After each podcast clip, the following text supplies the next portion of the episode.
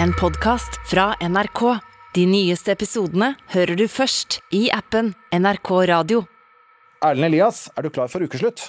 Ja, bare vent litt. Jeg må ta en selfie. Og så må jeg bare legge på et filter. Skal vi se. Sånn!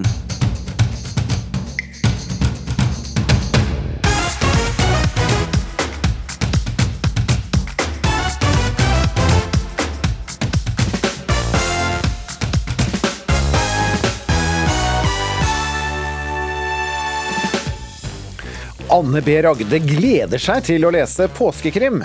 Søsteren, Eva B. Ragde, er krimtekniker og orker ikke mangelen på realisme. Hun kjenner seg rett og slett ikke igjen.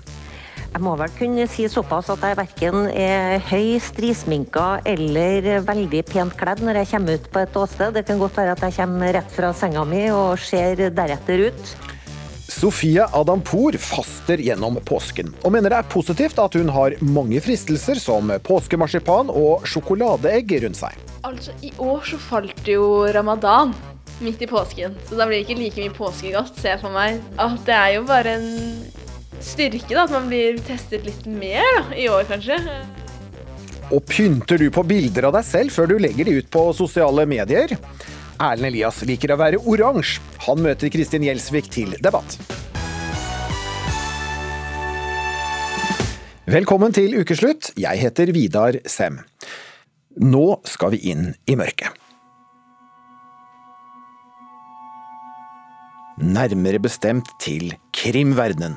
Og den fiktive krimmen på TV og i bøker, hvor det både er lett å drepe, men også relativt kjapt å løse saken. Noen biter negler av spenning, andre koser seg med krimseriene. Men hvordan virker disse fiktive drapsetterforskningene på en som har det som jobb? Nå skal vi snakke med søstrene Ragde. Den ene er Anne, forfatteren, og den andre er Eva, kriminalteknikeren. Og Eva B. Ragde, du er kriminaltekniker altså, og kjent fra TV-serien Eva bak sperringene og boka På åstedet. Du er på jobb og, og faktisk med oss fra et åsted nå, stemmer ikke det? Jo da, både meg og makkeren min Gaute, vet du, som dere kjenner fra TV-serien, vi er ute på åsted nå, og det er sånn virkeligheten er i påskekrimmen. Mm. Og noe mer så vil du ikke røpe i denne sammenheng? Nei, jeg kan røpe at det er i hvert fall ingen som er død, så det får være det, hygge, det hyggelige i det. Hmm. Men når du har fri, så les, leser du da, eller ser du på krim? Nei, jeg kan vel ikke akkurat skryte på meg at jeg gjør det, tror jeg. Nei, for du, du, mener at det som skjer i krimserier er helt urealistisk. På hvilken måte? Altså det, det, er jo, det, er jo, ren underholdning, og det skal det jo være òg. Men det er klart, uh, pene mennesker med pen sminke, pene klær, alltid vakker, kommer inn på rene, pene åsteder som er ganske langt fra den virkeligheten vi lever i, uansett hva som har skjedd på stedet så, så, er det klart at det er langt fra underholdning til, til hvordan virkeligheten faktisk eh, er. Mm. Og Du er jo da en virkelig kriminaltekniker. Og, og, hvordan inntar du da et åsted, i motsetning til det vi kan lese og se i bøker og filmer og serier? Jeg må vel kunne si såpass at jeg verken er høy, strisminka eller veldig pent kledd når jeg kommer ut på et åsted. Det kan godt være at jeg kommer rett fra senga mi og ser deretter ut. Og ja, det er vel sjelden at jeg kommer i hvit buksedress på et eh, åsted, eller høye hæler. Nei. Nei, du har kanskje du har på deg en litt annen drakt, og, og, og uh, du inntar åstedet kanskje over litt lengre tid enn det vi ser på serier som CSI eller andre, ja, andre serier. Ja, det er helt klart at når du er på CSI, så får du som regel utdelt et åsted på morgenen, og det pleier stort sett å være ferdig ved arbeidsdagens slutt. Sånn er det heller ikke i virkeligheten. Det som skjer, det skjer når det skjer, og ikke når eh, det passer for eh, oss som jobber med det. Mm. Og for, så ikke jeg skjønner, så, så, går du lenge på et åsted og både lukter og kjenner på, på stedet før, eh, før, du gjør noe mer?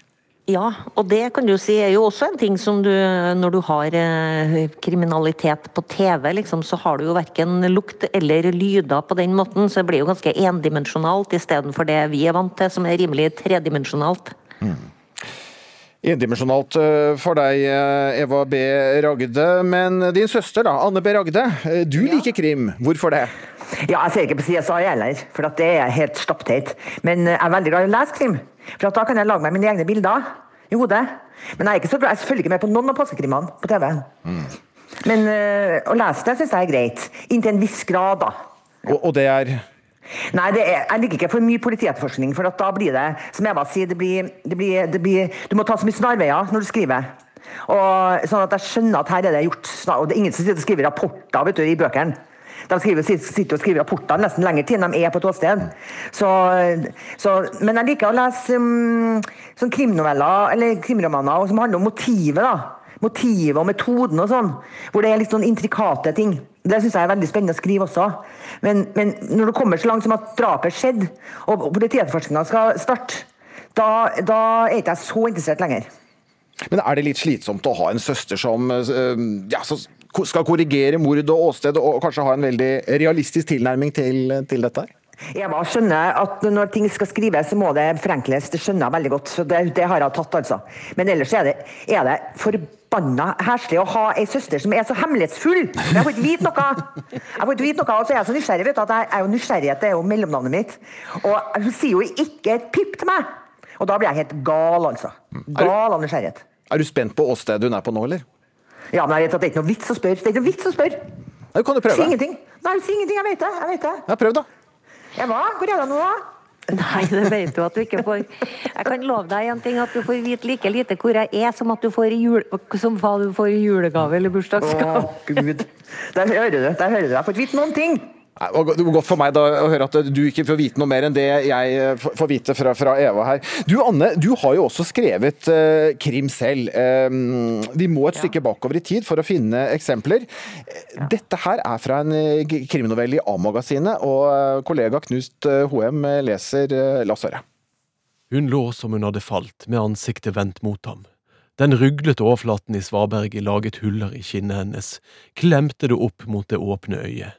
Munnen var malt i et rødt snerr som buet seg nedover i vikene. Leppestiften hadde glidd inn i de tynne rynkene rundt munnen, små røde flammer som stakk inn i blek hud. Du ser gammel ut, tenkte han. Ja, søster Eva Beragde blir ikke litt spent da på, på hva som skjer her? Eh, vel, vel. det er som jeg sier, Anne er en eh, briljant eh, detaljbeskriver. Og det, det er jeg veldig glad i når hun skriver. Eh, At hun skriver krim, det får så gå. Men detaljbeskrivinga, den er fantastisk bra. Ja, Var det kjekt å høre igjen, Anne? Ja, veldig kjekt. Ja, Får du lyst til å skrive mer? Ja, jeg, jeg har lyst til å skrive krim, ja. Men nå er det så besett mange som skriver krim i Norge, vet du. Det, er- det er liksom blitt det man kan leve av som skribent. Det å skrive krim. En ting som har irritert deg, slik jeg har skjønt, det er, er fargen på blod, i, i, ofte i eh, kriminallitteratur, eller også i film og serier, eh, som ikke alltid er helt reell. Jeg tenker, jeg var vel innpå og prata litt om den serien som, som var så oppskrytt for noen år tilbake, som het Rome, som skulle være så fantastisk. Og det var brukt eh, millioner av dollar på å lage en serie som skulle være så fantastisk. Og jeg benka meg jo med popkorn og hele oppsettet, og så en av de første scenene, da, så, så er det noen blodige greier, og så har de bare helt noe sånn lilla væske på folk. Og da bare kjenner jeg at liksom, da, da kan du ha brukt millioner så mye du vil, men når du ikke gidder å gjøre den jobben skikkelig, da er jeg ferdig. Så da skrudde jeg av den, og så så ikke jeg noe mer på det. Ja, Det hadde vel heller ikke Anne B. Ragde kanskje sett sett Nei, jeg husker jeg fikk se se første bilde av Tor Neshov under innspillinga av TV-serien av Berlinpoplene. Så fikk jeg se et bilde av Tor Neshov som sto med en grisunge med gulne, rene hender. Med gulne, rene hender, og han var bonde, sant? Da slo jeg alarm. Møkte for hendene hans skikkelig. Så det, det er sånne ting vi ser. Detaljer. Vær tro mot virkeligheten. Eh, Vel, vel. Det er i hvert fall én krimserie fra barndommen dere begge mener er bra. Vi skal høre et klipp fra hørespillserien I trifidenes dager av Giles Cooper. Serien er fra 1969 og handler om noen morderiske vandrende planter.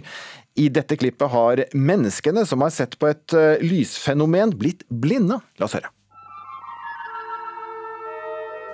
Det varte litt før det gikk opp for meg at London var en by av blinde. Hovedstad i et land av blinde. I en blind verden. Men da jeg gikk fra sykehuset ned til Piccadilly, ble jeg klar over at slik var det. Det fantes ikke trafikk. Ingen lyder. Det eneste tegn til liv var noen få mennesker som forsiktig famlet seg frem langs butikkfasadene. Ja, og Da må jeg høre med kriminaltekniker Eva B. Ragde. Menneskeetende planter, det er ikke særlig realistisk. Hvorfor likte du, ja, hvorfor likte du dette her? Nei, Jeg vet ikke, altså den der greia med å sitte eh, sammen eh, noen og knaske sånn påskegodteri og så høre påskekrim på radio, det var helt magisk. Foran peisen, og du bare Nei, det var så fascinerende og så digg. Det er mye bedre det nesten enn å, enn å se det, for det er litt sånn som Anne sier, da, da kan du lage din egen fantasi oppi hodet. Og når det blir så langt utafor virkeligheten, da, da er det fascinerende likevel. Selv for en kriminaltekniker. Eh, Ja. Riktignok var du, du barn den, den gangen. Eh, Anne B. Ragde, du startet sikkert sammen med henne, da? Ja, jo, ja, ja. Hun skjønte ikke like mye som jeg skjønte. da. For jeg var, I 69 var jeg 12 da. Så, um, men det var, jo, det, var, det var jo at det var så far-fetched, vet du. Og Til finnes dager er jo berømt, berømt som, eh, TV, som radioserie. Det er fortsatt noen påskedager igjen. Eh, Hvilken krim skal du eh, se eller lese? Jeg holder på med en krim av Johan Høst. 'En nasjon i sjakk'. Den er bra. Og deg da, Eva? Blir det noe krim, eller? Nei, altså, jeg skal være på jobb, jeg. Ja, det er nok krim, det. Nok krim der. Altså, takk for at dere ble med i Ukeslutt. Og god påske til dere begge, da. Eh. Ja, Med eller uten krim. Det høres ut til det blir krim på dere begge her. Søstrene Anne B. Ragde og Eva B. Ragde. Påsken er mer enn snø, fjell og hytte. Noen bruker fridagene på hagestell, andre bruker både tid og penger ved sjøen. For båtfolket går startskuddet for båtpuss nå i påsken. Det skal være mer enn én million fritidsbåter i Norge, og disse skal klargjøres før sommeren. Og Tora Øgrim, du er på plass på Sjølyst marina i Bestumkilen i Oslo. Hvordan ser det ut der? Akkurat nå så står jeg fire meter over bakken. Og det er nydelig, deilig sjøluft som slår mot meg, og måker som sirkler rundt. Og Man skulle jo kanskje tro at jeg var midt ute på havet, men det er jeg ikke. For jeg er på en asfaltert bakke. Det er bare asfalt og masse båter som står rundt oss. Så det er eh, rad på rad med båter, og som du kan høre, så er det noen som driver og pusser. Og noen som driver og steller, og noen maler. Det lukter deilig maling i lufta. Og det er virkelig kommet i gang med påskestellet her.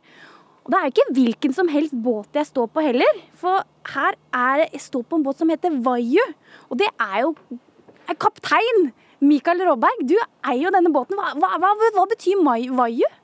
Det er et eh, indisk navn for eh, vindens gud, som den første eieren Hasse Nilsson ga båten i 1976, da han bygde den. Men det er jo ikke første påske du bruker her på denne parkeringsplassen, om vi kan kalle det det. Nei da, jeg har vært her i, i, i hvert fall 20 år på denne plassen her, og før det så har jeg vært på Høvik og på Blommenholm og på masse andre steder. Så jeg har hatt båt siden jeg var 16. Ja, hva er, det, hva er det du skal gjøre i dag på båten? I dag skal jeg eh, mattslipe vannlinjen, for jeg skal male den opp på nytt igjen. Man kaller vannlinjen også for Fordi den er, det er liksom den der lille ekstra greien liksom på, over bunn, bunnfargen på siden som gjør, gjør at båten ser pen ut. Ja, Så det er liksom snobbete snobberi du skal drive med i dag? I dag er det bare snobberi. Ja, ja for du, du har jo fortalt meg at man må være litt forsiktig når man jobber på båten, for du er jo høyt over bakken, i hvert fall nå. Ja, som for, for det er vel 10-15 år siden så stod jeg, satt jeg oppe på min andre båt og så eh, pusset på den, og da falt jeg ned, altså rett ned i bakken. Men heldigvis så hadde jeg lagt noen seilsekker tilfeldigvis under meg, så jeg falt på seilsekkene. Men eh, legen min sier at jeg, at jeg har litt sånn eh, skeiv rygg, og det tror jeg faktisk er derfor. Du ødela rett og slett, eh, men ikke på fjellet. Får, man noe påskestemning her, her ute? Ja, bare se nå. Solen skinner, og, og man hører litt sånn Folk driver litt aktivitet der. og det er jo faktisk færre folk her enn på, i fjellet. Så man får jo fred og ro her. Sånn lite tips, hvis man trenger litt fred og ro og ordentlig påskestemning, så burde man kommet hit.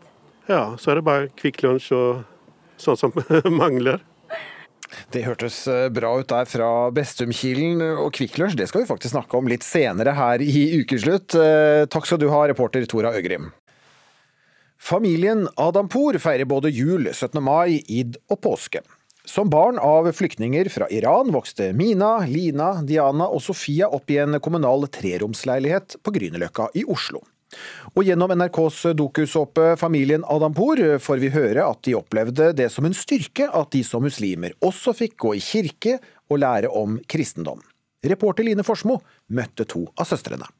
Ja, Mamma har hele tida fra barndommen sagt at eh, vet du hva, vi er både jøder, kristne og muslimer. Fordi som at kristendommen er en forlengelse av jødedommen, så er islam også en forlengelse av kristendommen.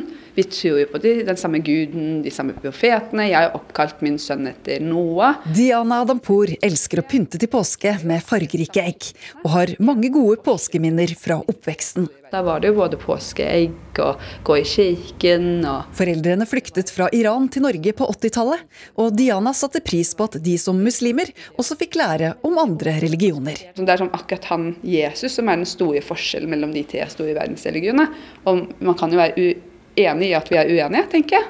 Eh, men så er vi Jeg har alltid sett på meg selv som både jøde, kristen og muslim, ja. I og med at vi har akkurat de samme verdiene, føler jeg òg. Nestekjærlighet, man skal være god. Det er jo det egentlig alle religioner sier. Det var nemlig ingen selvfølge at de skulle gå i kirka med resten av skolen, forteller de fire søstrene i NRKs serie Familien Adampour. Jeg husker på skolen fordi vi fikk jo sånn automatisk fritak fra gudstjenesten ja, og, ja, og religionstimer. Stemmer. Og da, hva gjorde du da, mamma? Jeg kommer på skolen og jeg sier til rektor hvorfor barna mine ikke lover å gå på den religionstimer. Mm, mm. Hun sier uh, ja, fordi dere er, ikke, dere er muslimer, ikke sant? Jeg sier jo, jeg er muslim. Jeg vil ha barna mine sitte på den timen. Jeg syns barna mine kan lære kristendom også. Mm. Jeg er faktisk veldig glad for at mamma gjorde det. fordi jeg følte, Da fikk jeg ikke følt på den utenforskapet. Da ble jeg litt mer inkludert allikevel. Det er sånn, ja, vi skal til kirken, ja, men det skal jeg òg. Gjennom å vise frem familien på TV ønsker de å bidra til mer mangfold, forteller Sofia Adampour, som har starta eget galleri for kryptokunst med digitale bilder. Det er en pingvin av skyldig akkurat nå, men det var faktisk minte meg om min egen barndom. Eneste grunn til at jeg var med på serien, var jo fordi jeg ønsket å bidra til et mer mangfoldig, en mer mangfoldig skjerm. Og nå har jeg allerede fått masse meldinger tikkende inn. Å, så gøy å se noen som deler de samme verdiene, noen som ligner på en selv, eller noen som har opplevd det, det samme. Det var veldig morsomt med hun damen som ringte Mine, da. Og Mine bare 'Unnskyld, kan du si det en gang til?' Så satte hun på høyttaler. Ja. og damen bare 'Herregud, det er jo helt like oss.' Og beklager, jeg mener ikke oss, men jeg mener oss nett etnisk norske nordmenn. Og, og, nei, det ble også feil. Og hun visste liksom ikke hva hun skulle si, da. Velkommen hit. Her har vi altså fire søstre Adam Poor. Som Mina sa veldig fint på Lindmo, eh, vi har ikke kommet for å ta over landet. Det er jo noen som på ramme alvor er sånn ah, disse innvandrerne kommer til landet og de skal ta over landet. og de skal, de, Det er ikke kompatibelt med våre verdier. Og så ser de denne serien, da, kanskje så ser de en uh, gjeng innvandrere som bruker syv og en halv time fra Oslo til Norefjell. Og krangler og ikke får til særlig mye til rett tid. Og da tror jeg de bare sitter der og tenker sånn Nei, fy søren, disse udugelige folka her klarer aldri å ta over Norge. Så da er det liksom vinn-vinn. Hvem er det som kjører oppover et fjell uten firehjulstrekk? Lina, hold munnen din! Ja, i serien krangler de så busta fyker, men de ordner alltid opp og stiller opp for hverandre. Litt kaos. Selv om det kan gå heftig for seg når de skal på hyttetur sammen. Vil du ha godteri? Jeg har meg! Kjempebra, kom hit! kom hit! Å, mamma, jeg hadde det! Ja, de, hør på meg, vil du ha godteri? De var i hvert fall glad i godteri. da. De var veldig glad i godteri. Ja, Skal ikke ta med dem på noe påskegodtinnkjøp. Altså. Det hadde vært helt kaos. Sofie Adampour faster gjennom påsken, men mener bare fristelser i form av påskegodt gjør det til en sterkere opplevelse. Altså, I år så falt jo ramadan midt i påsken, så da blir det ikke like mye påskegodt, ser jeg for meg. At det er jo bare en styrke, da, at man blir testet litt mer da, i år, kanskje. Og at fortellingen om Jesus på korset gir en ekstra dimensjon til fasten. Ja, for da er det liksom Under, under ramadan så tenker man også på oppofrelse, um, at andre har det vondt, hva folk har gjort. Og er litt mer åpne for å reflektere, da. Ja, for deg som faster, da når eh, kvelden kommer og du kan kose deg skikkelig, hva uh, spiser du da? Hvis det er sånn nå er det kos? Og da blir det de Freia påskeeggene, altså. Da blir det. De med sånn hvitt fyll i seg, som man må vente til kommer hvert Og jeg skjønner jo, ja, Det er litt, litt, bra at de ikke selger hele året, for det er noe med den eksklusiviteten da, og opplevelsen rundt der. Som barn av innvandrere fra Iran føltes det noen ganger som vi måtte stå i spagat mellom to kulturer. To kulturer. Eh, har det vært noen utfordringer rundt det?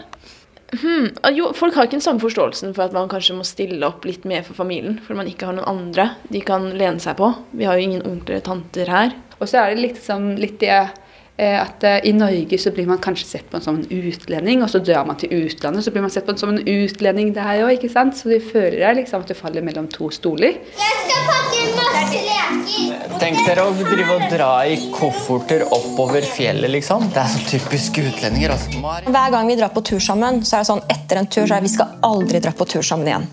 Men så ender det opp med en ny tur. Vi klarer ikke å holde oss unna hverandre selv om vi prøver, men vi er jo en familie. Vi skal drøyt to måneder tilbake i tid og til et budskap fra statsministeren som for mange var etterlengtet. Avstand mellom oss er ikke lenger nødvendig. Meteren blir borte. Men pandemien var slettes ikke over for alle, og her skal du få en dramatisk eh, historie. Nora Lysan Oseth, eh, velkommen til ukeslutt. Takk.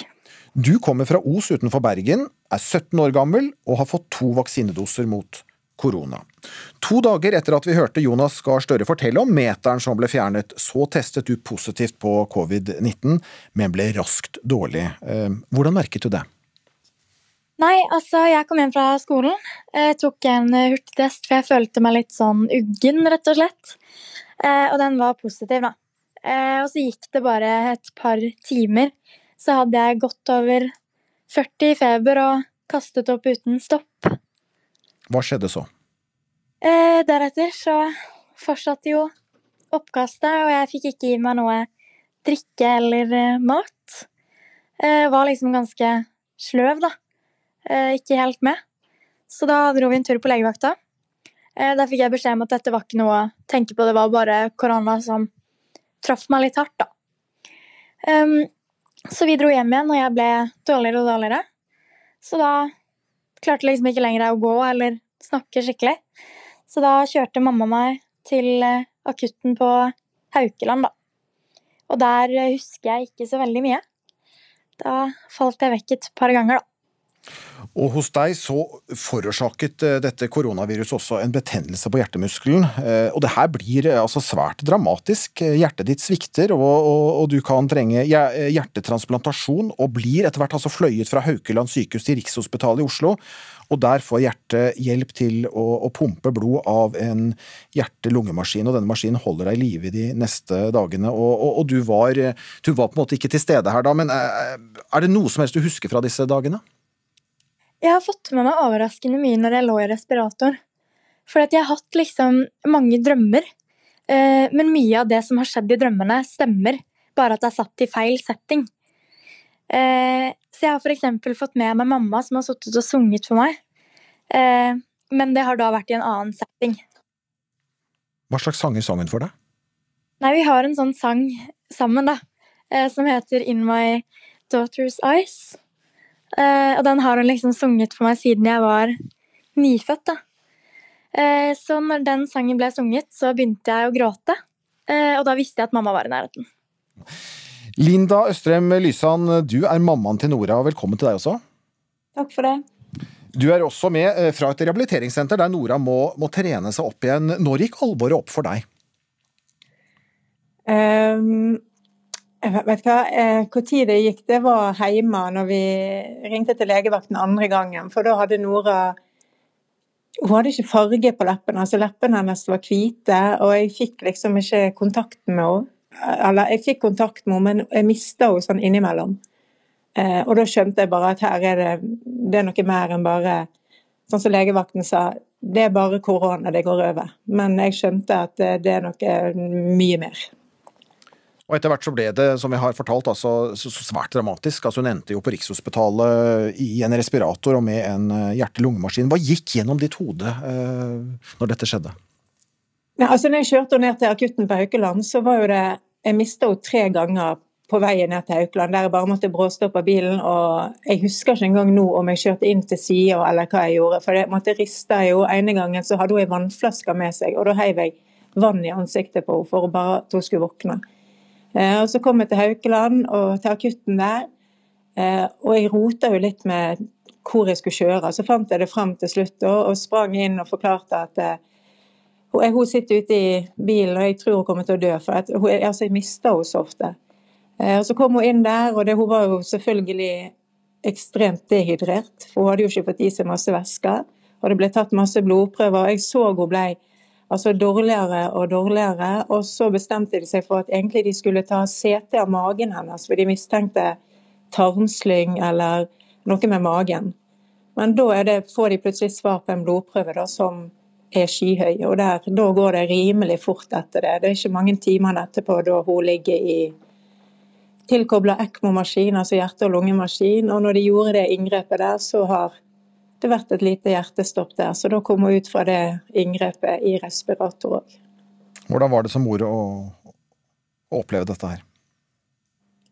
Jeg har ennå ikke funnet det ordet som klarer å beskrive det, på en måte. For det, det, det var så uvirkelig. Altså, det var så Nora som liksom alltid har vært så sunn og, opptatt av kosthold og trening og Nei, altså, jeg vet ikke. Jeg, har ennå ikke funnet det ordet som liksom kan forklare hvordan det oppleves. Men det jeg husker så innmari godt, er at eh, den kvelden hun hadde blitt lagt i respirator og alt dette så kom mamma og pappaen min eh, og broren min, og de kom ned. Og jeg, jeg har alltid kunnet spurt pappaen min om ting, og jeg har alltid fått svar. Eh, men jeg kjente en sånn panikk kom innover meg når jeg så Nora lå der, for hun var så kald og sånn. Så ser jeg opp på pappaen min, for han sto over senga, og så sa jeg til pappa at hun kommer ikke til å dø, sa han pappa. Og det er første gang i hele mitt liv at pappa ikke svarte meg. Og det var da jeg tror det gikk opp for meg hvor alvorlig dette egentlig var. Drøyt 40 barn har blitt innlagt på intensivavdeling med koronaviruset under pandemien. Du, Nora, var en av dem et av de aller alvorligste tilfellene. Nå, to måneder senere, så er du fortsatt under rehabilitering. Hvordan er formen? Nei, jeg føler meg jo egentlig ganske bra. Så bra! Ja. Men du trenger fortsatt litt, litt trening? Ja, jeg har fysioterapi en gang om dagen, og så noen ergoterapeuttimer. Men ellers er jeg godt i gang med skole og har vært hjemme på helgeperm. Når Nora kom inn i huset vårt igjen, så Altså, Nora knakk helt sammen. Hun begynte å grine, liksom, og sto og fortalte liksom 'Mamma, jeg, jeg er hjemme. Du aner ikke hvor godt det er.' Så det ble ganske tårevått med en gang vi kom inn i huset. Men det var ubeskrivelig godt å ha henne hjemme igjen. Rommet hennes liksom var ikke tomt lenger. og Småsøsknene spiste hun nesten opp. Så det, det var veldig, veldig godt. Ja, det var godt å komme hjem, Nora. Absolutt. Det var helt nydelig. Første gang på to måneder, så det var etterlengta. Og så eh, får du også komme hjem og feire påske eh, med familien før du må tilbake og ha litt, litt mer opptrening på rehabiliteringssenteret. Hva ser du frem til nå? Jeg ser jo frem til eh, en vanlig hverdag. Liksom bare det å kunne fungere normalt igjen. Men ja, jeg gleder meg til påsken. Få litt tid hjemme med familie og Ja, det blir deilig. Det vil jeg tro. Takk for at dere ble med her i Ukeslutt, og god, og god påske til dere begge to. Og, og, lykke til videre med opptreningen, Nora.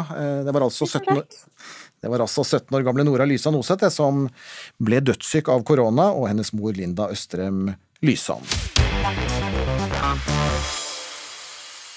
Er det greit å fikse på bilder av deg selv før du legger det ut på sosiale medier? Debatten har blusset opp igjen etter at stortingspolitiker Lene Westgård-Halle fra Høyre fikset på et bilde av seg selv ifra opptreden i Dagsnytt 18 før hun la det ut til sine følgere. Rynker forsvinner, ansiktet blir smalere og kinnene rødere. Vi tok en tur ut på gata for å høre med folk om det er greit å redigere bilder, og om de selv er en del av filterbølgen.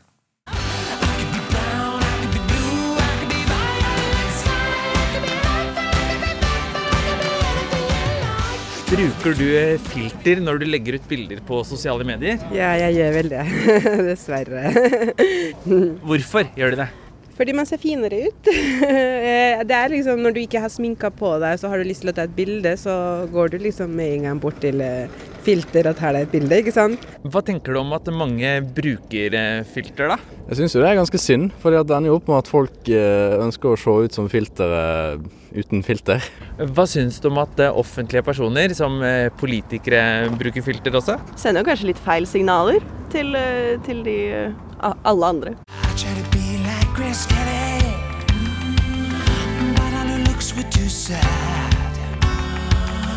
Jeg har en datter på syv år, og jeg vil liksom at hun skal kunne leve det mest realistiske liv. ikke sant? Møter du deg sjøl litt i døra, siden du mener man ikke skal gjøre Ja, det, men du jeg gjør det selv? gjør det. Jeg gjør det, det er akkurat det at jeg prøver liksom ofte å unngå det. Men det er liksom den der press, da, at man har en sånn litt sosial press, ikke sant. Så det er litt eh, ah, Det er vanskelig.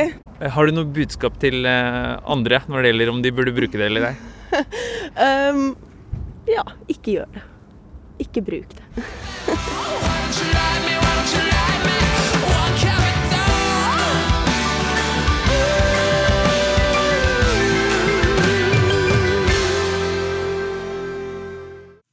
Og det var reporter Knut Øyvind Hagen som hadde truffet folk. Ved hjelp av digitale filter så kan du altså få en annen utgave av deg selv.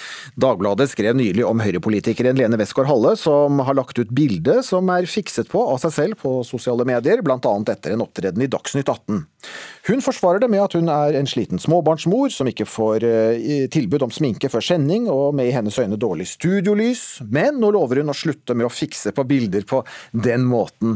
Lene Westgård-Halle hadde ikke mulighet til å være med i Ukeslutt, men det har du, påvirker og samfunnsdebattant Kristin Gjelsvik. Er det greit at offentlige personer som en stortingspolitiker fikser på bilder før det legges ut i sosiale medier? Mm, jeg syns jo ikke det.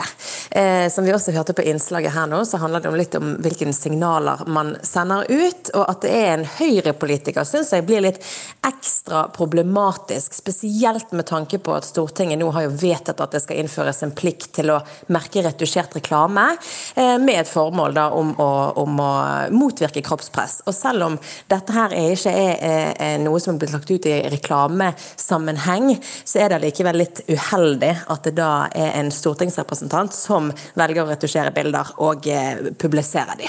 Eh, så jeg syns det er Nei, det, er ikke, det var ikke det, det smarteste som ble gjort akkurat her. Også veldig trist egentlig at også hun føler at eh, hun er nødt til å retusjere og redigere bildene sine før hun kan poste det i sosiale medier. Nå er jo ikke Lene Westgård-Halle her til å forsvare seg, men hun har en forsvarer i deg, Erlend Elias. Makeupartist, fitnessblogger og kjent fra egen TV-serie.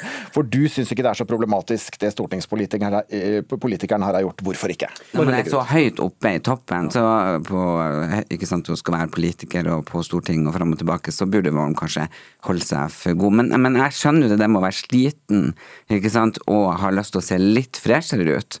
Eh, så det, det syns jeg vi alle skal få lov til uten å bli slakta. Fordi altså, det er ikke hver dag man føler seg så bra. Å kunne ta på et bitte lite filter, eh, og så er det jo blitt liksom så eh, gjennomsiktig at vi ser jo det. Og jeg merker jo at bilder jeg legger ut uten noen ting, får jo mye mer likes enn med filter. Folk er jo lei, og folk har blitt så oppdatert at de ser det. Men at vi skal slakte de, det syns jeg ikke.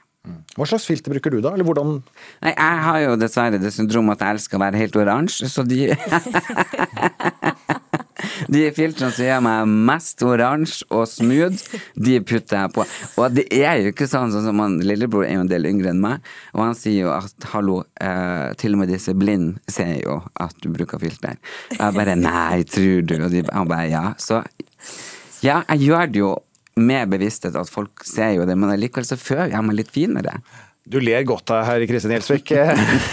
Ja, Liker du bildene du ser av Erlend Elias? Altså, Jeg elsker jo Erlend Elias. Altså, jeg synes jo han er, det, det som er så friskt og deilig med Erlend Elias, er jo at han er bare så ærlig, og han sier det jo rett ut sånn som det er. Eh, og, og jeg skal heller ikke komme her og være noe sånn filterpoliti. Det har aldri måtte, på en måte vært min hensikt heller. Eh, og det som han sier, du ser det jo veldig tydelig. Altså, eh, også på Instagram når man velger disse her beauty-filterne og sånn, så står det jo veldig tydelig oppe i venstre hjørne altså hvilken type filter du bruker. Men så er det også veldig mange som da velger å legge på et filter filter, lagre bildet i kamerarullen for å så legge det ut. Og Det jeg syns er så trist med den filterbruken, er jo at man Altså, den overeksponeringen av smooth faces da, all over the place, eh, da glemmer du litt at det er helt normalt med ansiktshår, og det er helt naturlig å ha ujevnheter og rynker og, og neser i alle mulige størrelser. sant? At og at du gjerne ikke nødvendigvis har så store øyne og store lepper. Så jeg tenker spesielt for de litt yngre, de lett påvirkelige og, og ja, unge jenter og gutter som i utgangspunktet sliter litt med dårlig selvfølelse, da vil en filterbruk egentlig bare gjøre vondt verre, tror jeg. For jeg har jo òg prøvd det sjøl, når du liksom legger på disse flotte filtrene. Man ser jo åpenbart eh, annerledes ut og litt freshere ut. Og med en gang du ekser ut det filteret, da, så føler du deg jo faktisk så stygt stygg. Så det er faktisk eh, litt trist da hvis, hvis, sannheten og det ekte skal, skal, eh, skal, føles nesten som en sånn fiende. da. Men altså sannhet og ekte, Kristin Gjelsvik. Eh, mange sminker seg jo masse. Eh, og det er vel også et filter? Ja, Har det da så mye å si om en liten digital oppjustering i all sminken? Mm. Altså, jeg tenker Når den digitale oppjusteringen er eh, endring av ansiktsstruktur, eh, og der du faktisk ikke er gjenkjennelig, da syns jeg det blir litt det, det, problematisk. Det er jo veldig mange rundt oss som gjør, Kristin. Så det ja. syns jeg nesten er verre. Jeg har jo vært så heldig å få jobbe i Kirkens Bymisjon med ungdommer, og de ja. er jo så vanvittig eh, mye mer oppdatert og eh, mm. inne i denne verden, og bruker mye mindre filter enn det vi gjør. Vi er de verste, altså kanskje ned til da 25 og opp.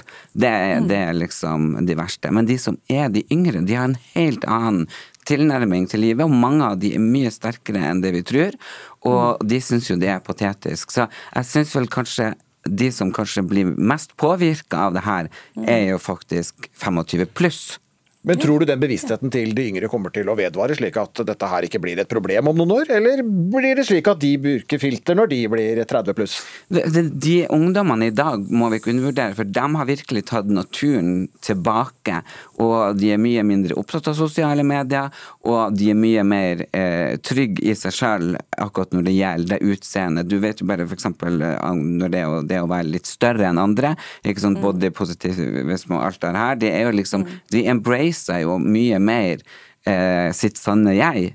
Så jeg tror jo det er vi og influenserne som er litt yngre enn meg og deg, Kristin igjen, mm. eh, som sminker seg helt ugjenkjennelig. Og det er nesten verre enn et filter. Men hvis det er det Elias sier her, så blir det vel ikke et fremtidig problem da, Kristin Gjelsvik? Altså Det er ingenting eh, som eh, ville vært eh, bedre enn det. og Erlend Elias har så mye rett i det han sier, at ungdommen i dag er mye mer opplyst og de, er, de har et helt annet fokus. og Det er veldig veldig positivt å se. Men så er det jo ja, nei Det som du sier, det er kanskje vår aldersgruppe og de ned til 25 som er de, de mest de hyppige på filter og verste. Og, det, og det, det, er jo der jeg kjenner jeg blir sånn trist på deres vegne også, for at du ser at de, de, aldri kan legge ut, uh, ut et, uh, et, bilde der de er helt naturlige. Sant? Dette filteret må på. Og jeg får jo mest vondt av de faktisk. For det, det, kan ikke føles godt at du aldri uh, har, har, den selvtilliten da, til å kunne publisere et, et helt naturlig bilde. Og det som Erlend Elias også sier, det er jo det naturlige som også får fler, flest likes. Sant? Når du ikke er helt oransje, Erlend Elias, da ja. kommer følgerne dine og, og bjuder på hjerter. Så, så hvis det er det man ønsker Jeg får jo litt sjokk, og jeg blir nesten sånn redd når jeg legger ut bilde av meg sjøl, for jeg tenker bare fy faen, nå ser dere hvor jævlig jeg er. Å, herregud, nå blir jeg ikke få noe date. Men jeg skal love dere at nå, etter vi er ferdige her, så skal jeg publisere et helt filterfritt bilde. og jeg kjenner at det kribler i kroppen av, av at det gjør litt vondt. Men eh, Å, det blir fint. Du skal få likes og hjerter i, i, i kommentarfeltet av meg, i hvert fall. Å, takk. Men du, takk for at dere var med i Ukeslutt, Kristin Gjelsvik og Erlend Elias. Vi er midt i en høytid hvor folk samles, spiser god mat og kobler helt ut. Samtidig er det krig i Ukraina, det rapporteres hyppig om grusomme handlinger og mange kvinner og barn er på flukt, og noen er kommet hit. Biskop i Oslo, Kari Weiteberg, velkommen til ukeslutt. Takk. Påske med både kos og krig, hvilke tanker gjør du deg om det? Jeg merker jo at de folka jeg møter er sterkt påvirka av dette. Og vi har jo kirker åpne der folk kommer og tenner lys og og trenger bare å være sammen. Men påskefortellingene handler jo om lidelse og svik og vold og et mørke. Så det er dette vi snakker om i disse dager. Ja. Det handler også om oppstandelse. Det er påskeaften i dag, altså dagen mellom Jesu død og oppstandelse.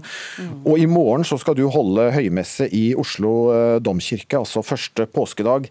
Er det krevende å komme med påskens gledesbudskap, med krigen i Ukraina som bakteppe? Samtidig så er det jo det vi trenger nå, dette håpet og lyset. Eh, så i natt, påskenatt, så blir påskelyset tent, faktisk. I det mørkeste mørket. Og vi bærer det inn, og, og vi synger. Og det er det jeg skal forkynne om i morgen. At um, påskemorgen, Jesus har stått opp for de døde. For meg er dette et tegn på håp. Og det tror jeg vi trenger nå. Mer enn før. Så påskebudskapet i en krigssituasjon står støtt? Det står støtt, og det har det gjort nå i 1000 år. Og vi trenger det. Kanskje mer i år enn aldri før. Flere millioner ukrainere er på flukt, og mange nordmenn ønsker å hjelpe. Vi har vært ute på gaten og spurt folk. Jeg har en venninne som er ukrainsk og bodd i Norge i 15 år. Så vi har samlet sammen litt av det vi ikke trenger å bruke. Jeg er musiker, da, så jeg, eh, jeg prøver å bevisstgjøre eh, folk på situasjonen der, og vise støtte gjennom kunsten min, da. Hadde det vært mulig å også huse noen? Det har jeg dessverre ikke mulighet til. Jeg bor i leilighet, så jeg har ikke mulighet til å ta inn noen. Da måtte de andre sove på stuegulvet. Syns du det virker som at folk bryr seg mer når det er noen som kommer fra Europa, enn fra andre steder i verden? Ja, det syns jeg absolutt. Folk er mye mer engasjerte nå. Er det bra? Ja, det er jo bra. For det, det virker mye nærmere og litt annet folkeslag, da. Det er absolutt synd at uh, det er først nå folk begynner å innse at oi, vi bør kanskje ta vare på folk som uh, lever i et krigsfullt land og sånne ting. Og jeg syns jo det er synd at det måtte gå så langt før folk begynte å få øynene opp. Jeg syns det er veldig mange rundt i verden som trenger hjelp, og jeg tror vi må starte et sted. Vi kan heller ikke hjelpe hele verden, men det er viktig at vi prøver i hvert fall. Og jeg tror det er det som er viktigst her akkurat nå, at vi gir den hånden til disse folka. Og det var reporter Knut Øyvind Hagen som hadde vært ute og snakket med folk. Det er blitt påpekt at, eh, av flere at det er påfallende hvor mye mer hjelp ukrainerne tilbys sammenlignet med andre flyktninger. I Oslo har kommunen blitt nedringt av innbyggere som vil hjelpe ukrainske flyktninger. Eh, ukrainere har fått reise gratis kollektivt, og privatpersoner har hentet ukrainske flyktninger til Norge. Og filosof Einar Øvrenge, eh, du er med oss fra Gran Canaria.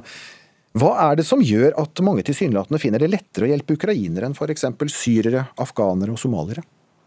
Det er nok ved en side ved oss som, som uh, har med følelser å gjøre. Dvs. Si at det er nærmere oss uh, rent geografisk. Det involverer endog et naboland. Og, og, sånn sett så virker det sterkere på våre følelser.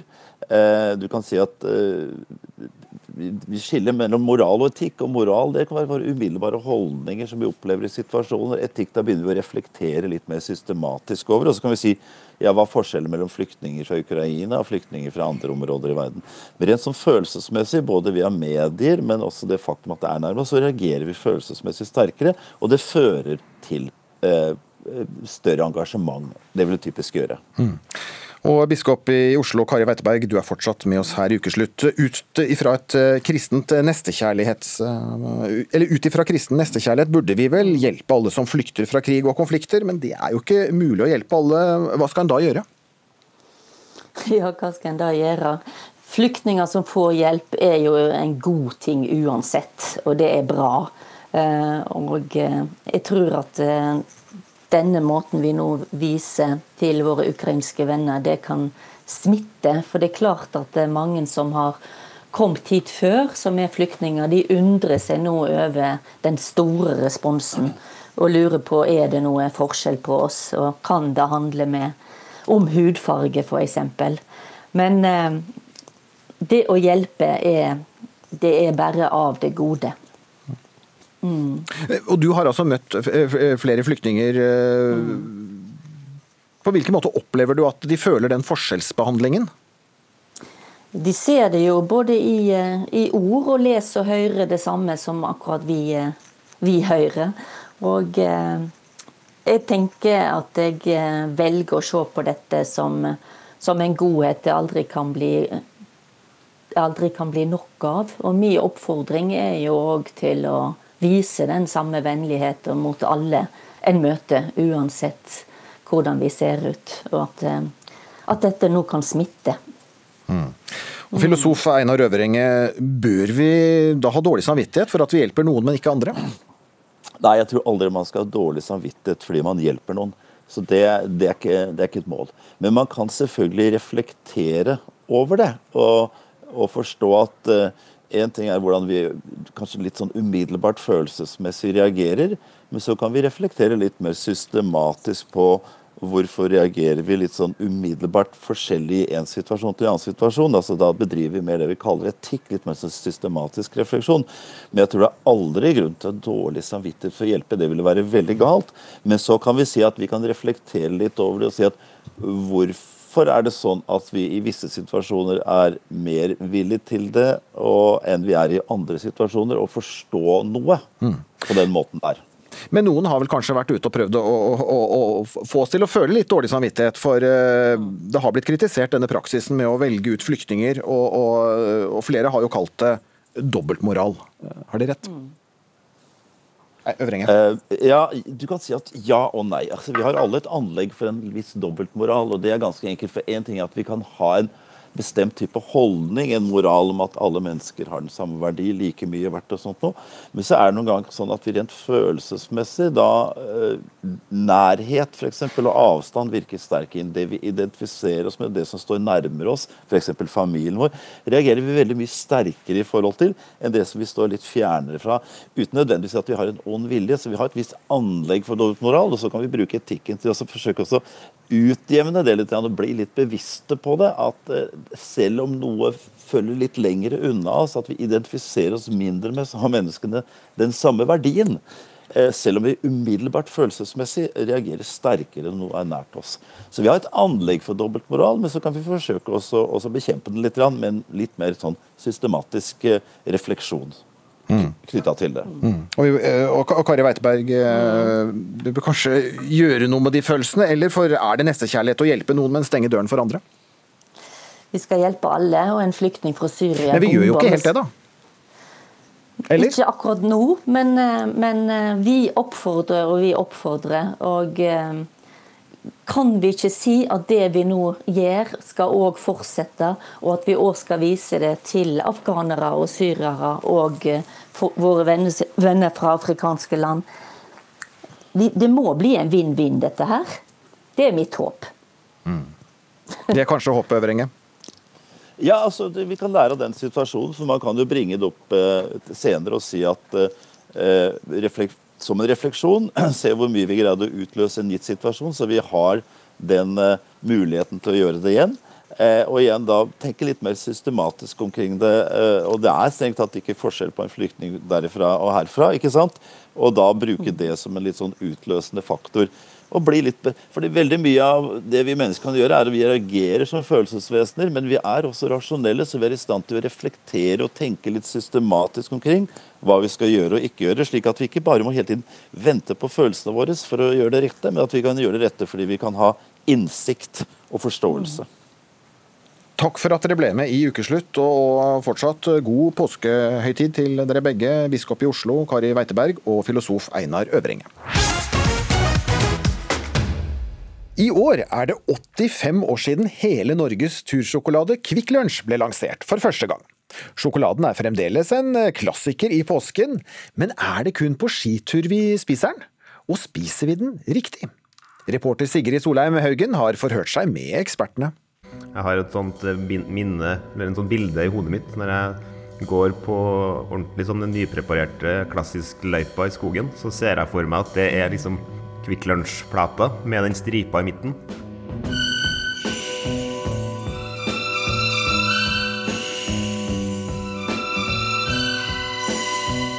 Det er nok mange som kan kjenne igjen påskestemninga kokk Jonas Modell beskriver her.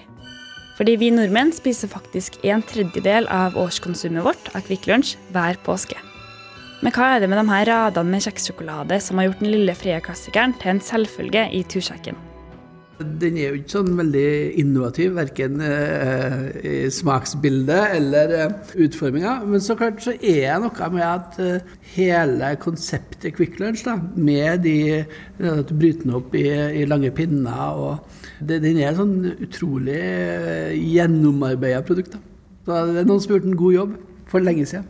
Jeg traff tidligere landslagskokk Espen Westerdal Larsen på Kulinarisk akademi for å få litt profesjonelle meninger. Kollegaen hans, Jonas Modell, prøver seg på en anmeldelse av den nå 85 år gamle sjokoladen. Det er det med at den sødmen, det er den perfekte med den kjeksen. Det er en egen, eh, egen følelse. Funker godt, men det er mye nostalgi, det tror jeg. Men er Larsen enig? Det her er jo sånn typisk sjokolade som er veldig lett å like. da. Alle liker den. liksom. Det er umulig å ikke det er umulig å mislike den.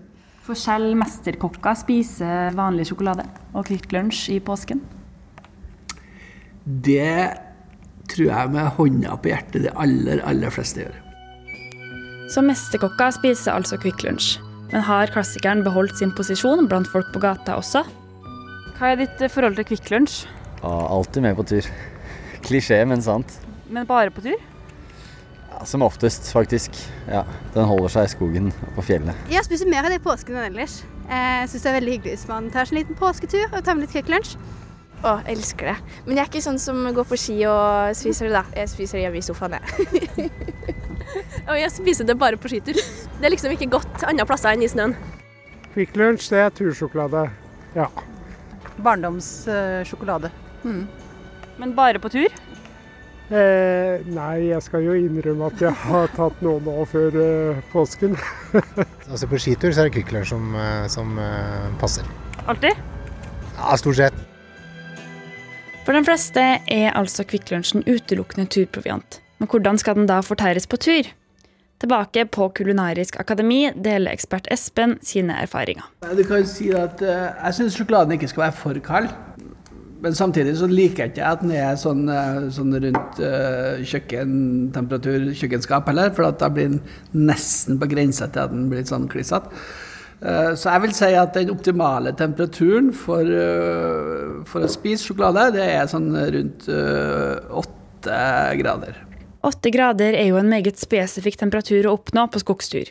Men heldigvis for oss er kokk Jonas både Kvikk Lunsj og skiturentusiast. Har den på innerlomma, så tror jeg kanskje den blir litt i varmestlaget. Nesten ikke du får knekt. Det skal jo knekke når du deler opp en Kvikk Lunsj. Det skal jo ikke være helt bløtt.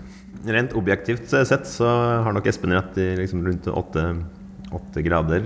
Og da er kanskje i, i, sekken nærmest ryggen den beste plassen, da, så det ikke blir for varmt, men heller ikke for, for mye kulde. Så nå som vi har oppskriften klar, er det bare å ønske alle en riktig god påsketur.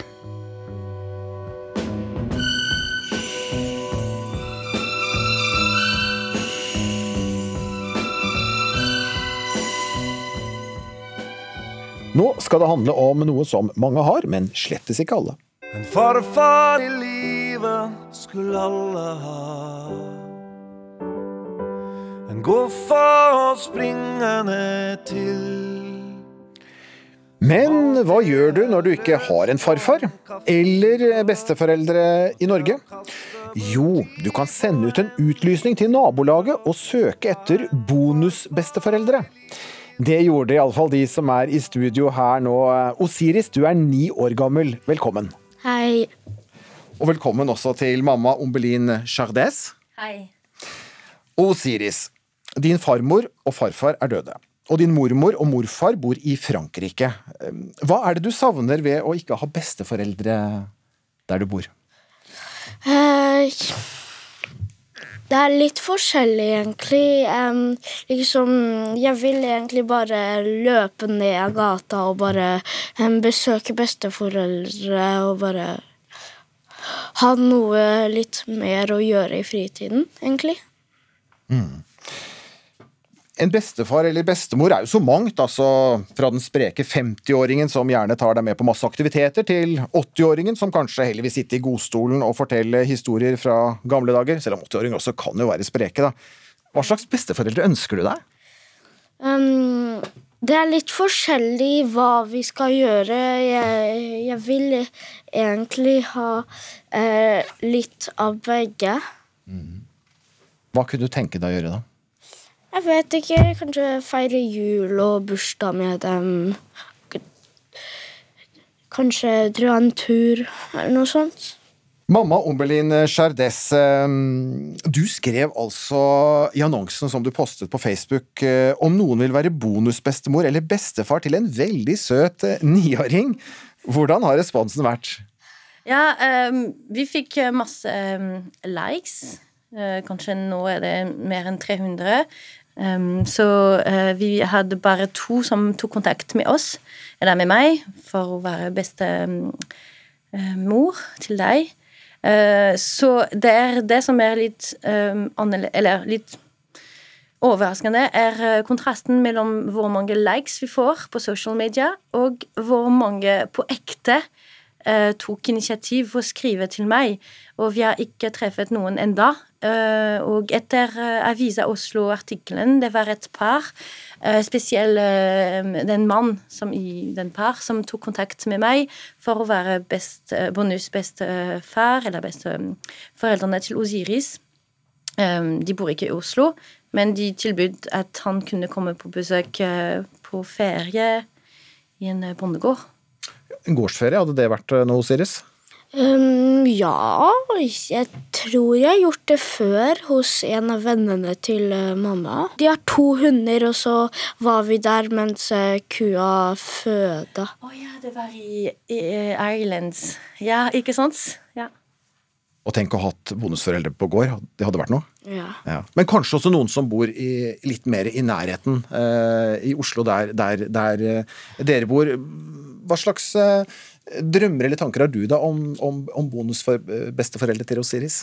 Ja, eh, så eh, ingen av foreldrene hans er norsk, ikke sant? Så vi vi vet ikke om gammel historie som du, du, fortalte, eller gamle dager, eller um, vanlig norsk mat eller, kult, eller uh, tradisjoner. Så derfra Eller han får masse fra skolen, selvfølgelig, men også det er bra om han får fra faktisk folk som har bodd og, og er født her. Uh, jeg vet ikke Historien um, Ja, norsk mat um, Ting som jeg vet ikke om. Så jeg kan ikke um, gi det til ham. Ikke sant? Ting som er Norske tradisjoner, ja. fortellinger og norsk kultur osv. Ja. Men dere er jo også kanskje bidragsytere til, til foreldrene, for dere er et, et veld, dere kommer fra et, eller du kommer fra et veldig musikalsk hjem hos dere, stemmer ikke det? Mor spiller blant annet fiolin, og du spiller trommer? Ja, og piano. Wow. Så det betyr at bonusbesteforeldre de får kanskje en musikalsk opplevelse da, hvis de kommer til dere, eller hvis dere kommer til dem? Vi kan jo godt lære norske sanger, og så kan du spille piano, jeg kan spille fiolin. Um, og vi tenkte også å ha dem til uh, hverdagsmiddag, lage kake, og så han kan bare løpe hjem til dem i en liten ka kakebit, eller Ja det, det, er ikke en, en, sak, det er ikke en stor ting at vi bare ble sammen når som helst, og det kan være bare veldig lett hvis de bor på nærheten. Mm. Da kan du bare løpe, løpe, hjem og være sammen med dem? Ja. Mm. Og dere er altså i kontakt med noen, slik jeg skjønner, uh, Ombelin, uh, og så er ikke det helt uh, lagt hva, hva, det blir? Nei, vi har ikke truffet noen ennå, så vi vet ikke. Nei. Hvis det er noen av Ukeslutts lyttere som, som hører og tenker åh, vi har lyst til å bli bonusbesteforeldre til Osiris. Hva skal, hva skal de gjøre da? Ja, De kan godt uh, ta kontakt med meg uh, på ja, Facebook. Men det var veldig viktig for Osiris at de bor i nærheten, veldig nær. At uh, han kan bare dra eller gå uten at jeg ble involv involvert. Um, så i nærheten. Veldig viktig. Du, um, når du får deg bonusbesteforeldre, um, det får du sikkert altså, uh, hva er det første du skal gjøre når du møter dem? Jeg vet ikke. Kanskje prate litt og finne ut forskjellige ting vi kan gjøre sammen og sånt. Får de en god klem, eller? Mm, ja Takk for at dere kom hit til ukeslutt, og lykke til da med jakten på nye besteforeldre. Osiris på ni år og mamma Ombelin Chardes. Ehm, og vi har også kunnet lese om dere både i Avisa Oslo og i Aftenposten Junior. Du har hørt Ukeslutt. I opptak denne påskeaften, ansvarlig for sendingen Kari Li. Teknisk ansvarlig Frode Thorshaug. Jeg heter Vidar Sem. Ha en fortsatt riktig god påske.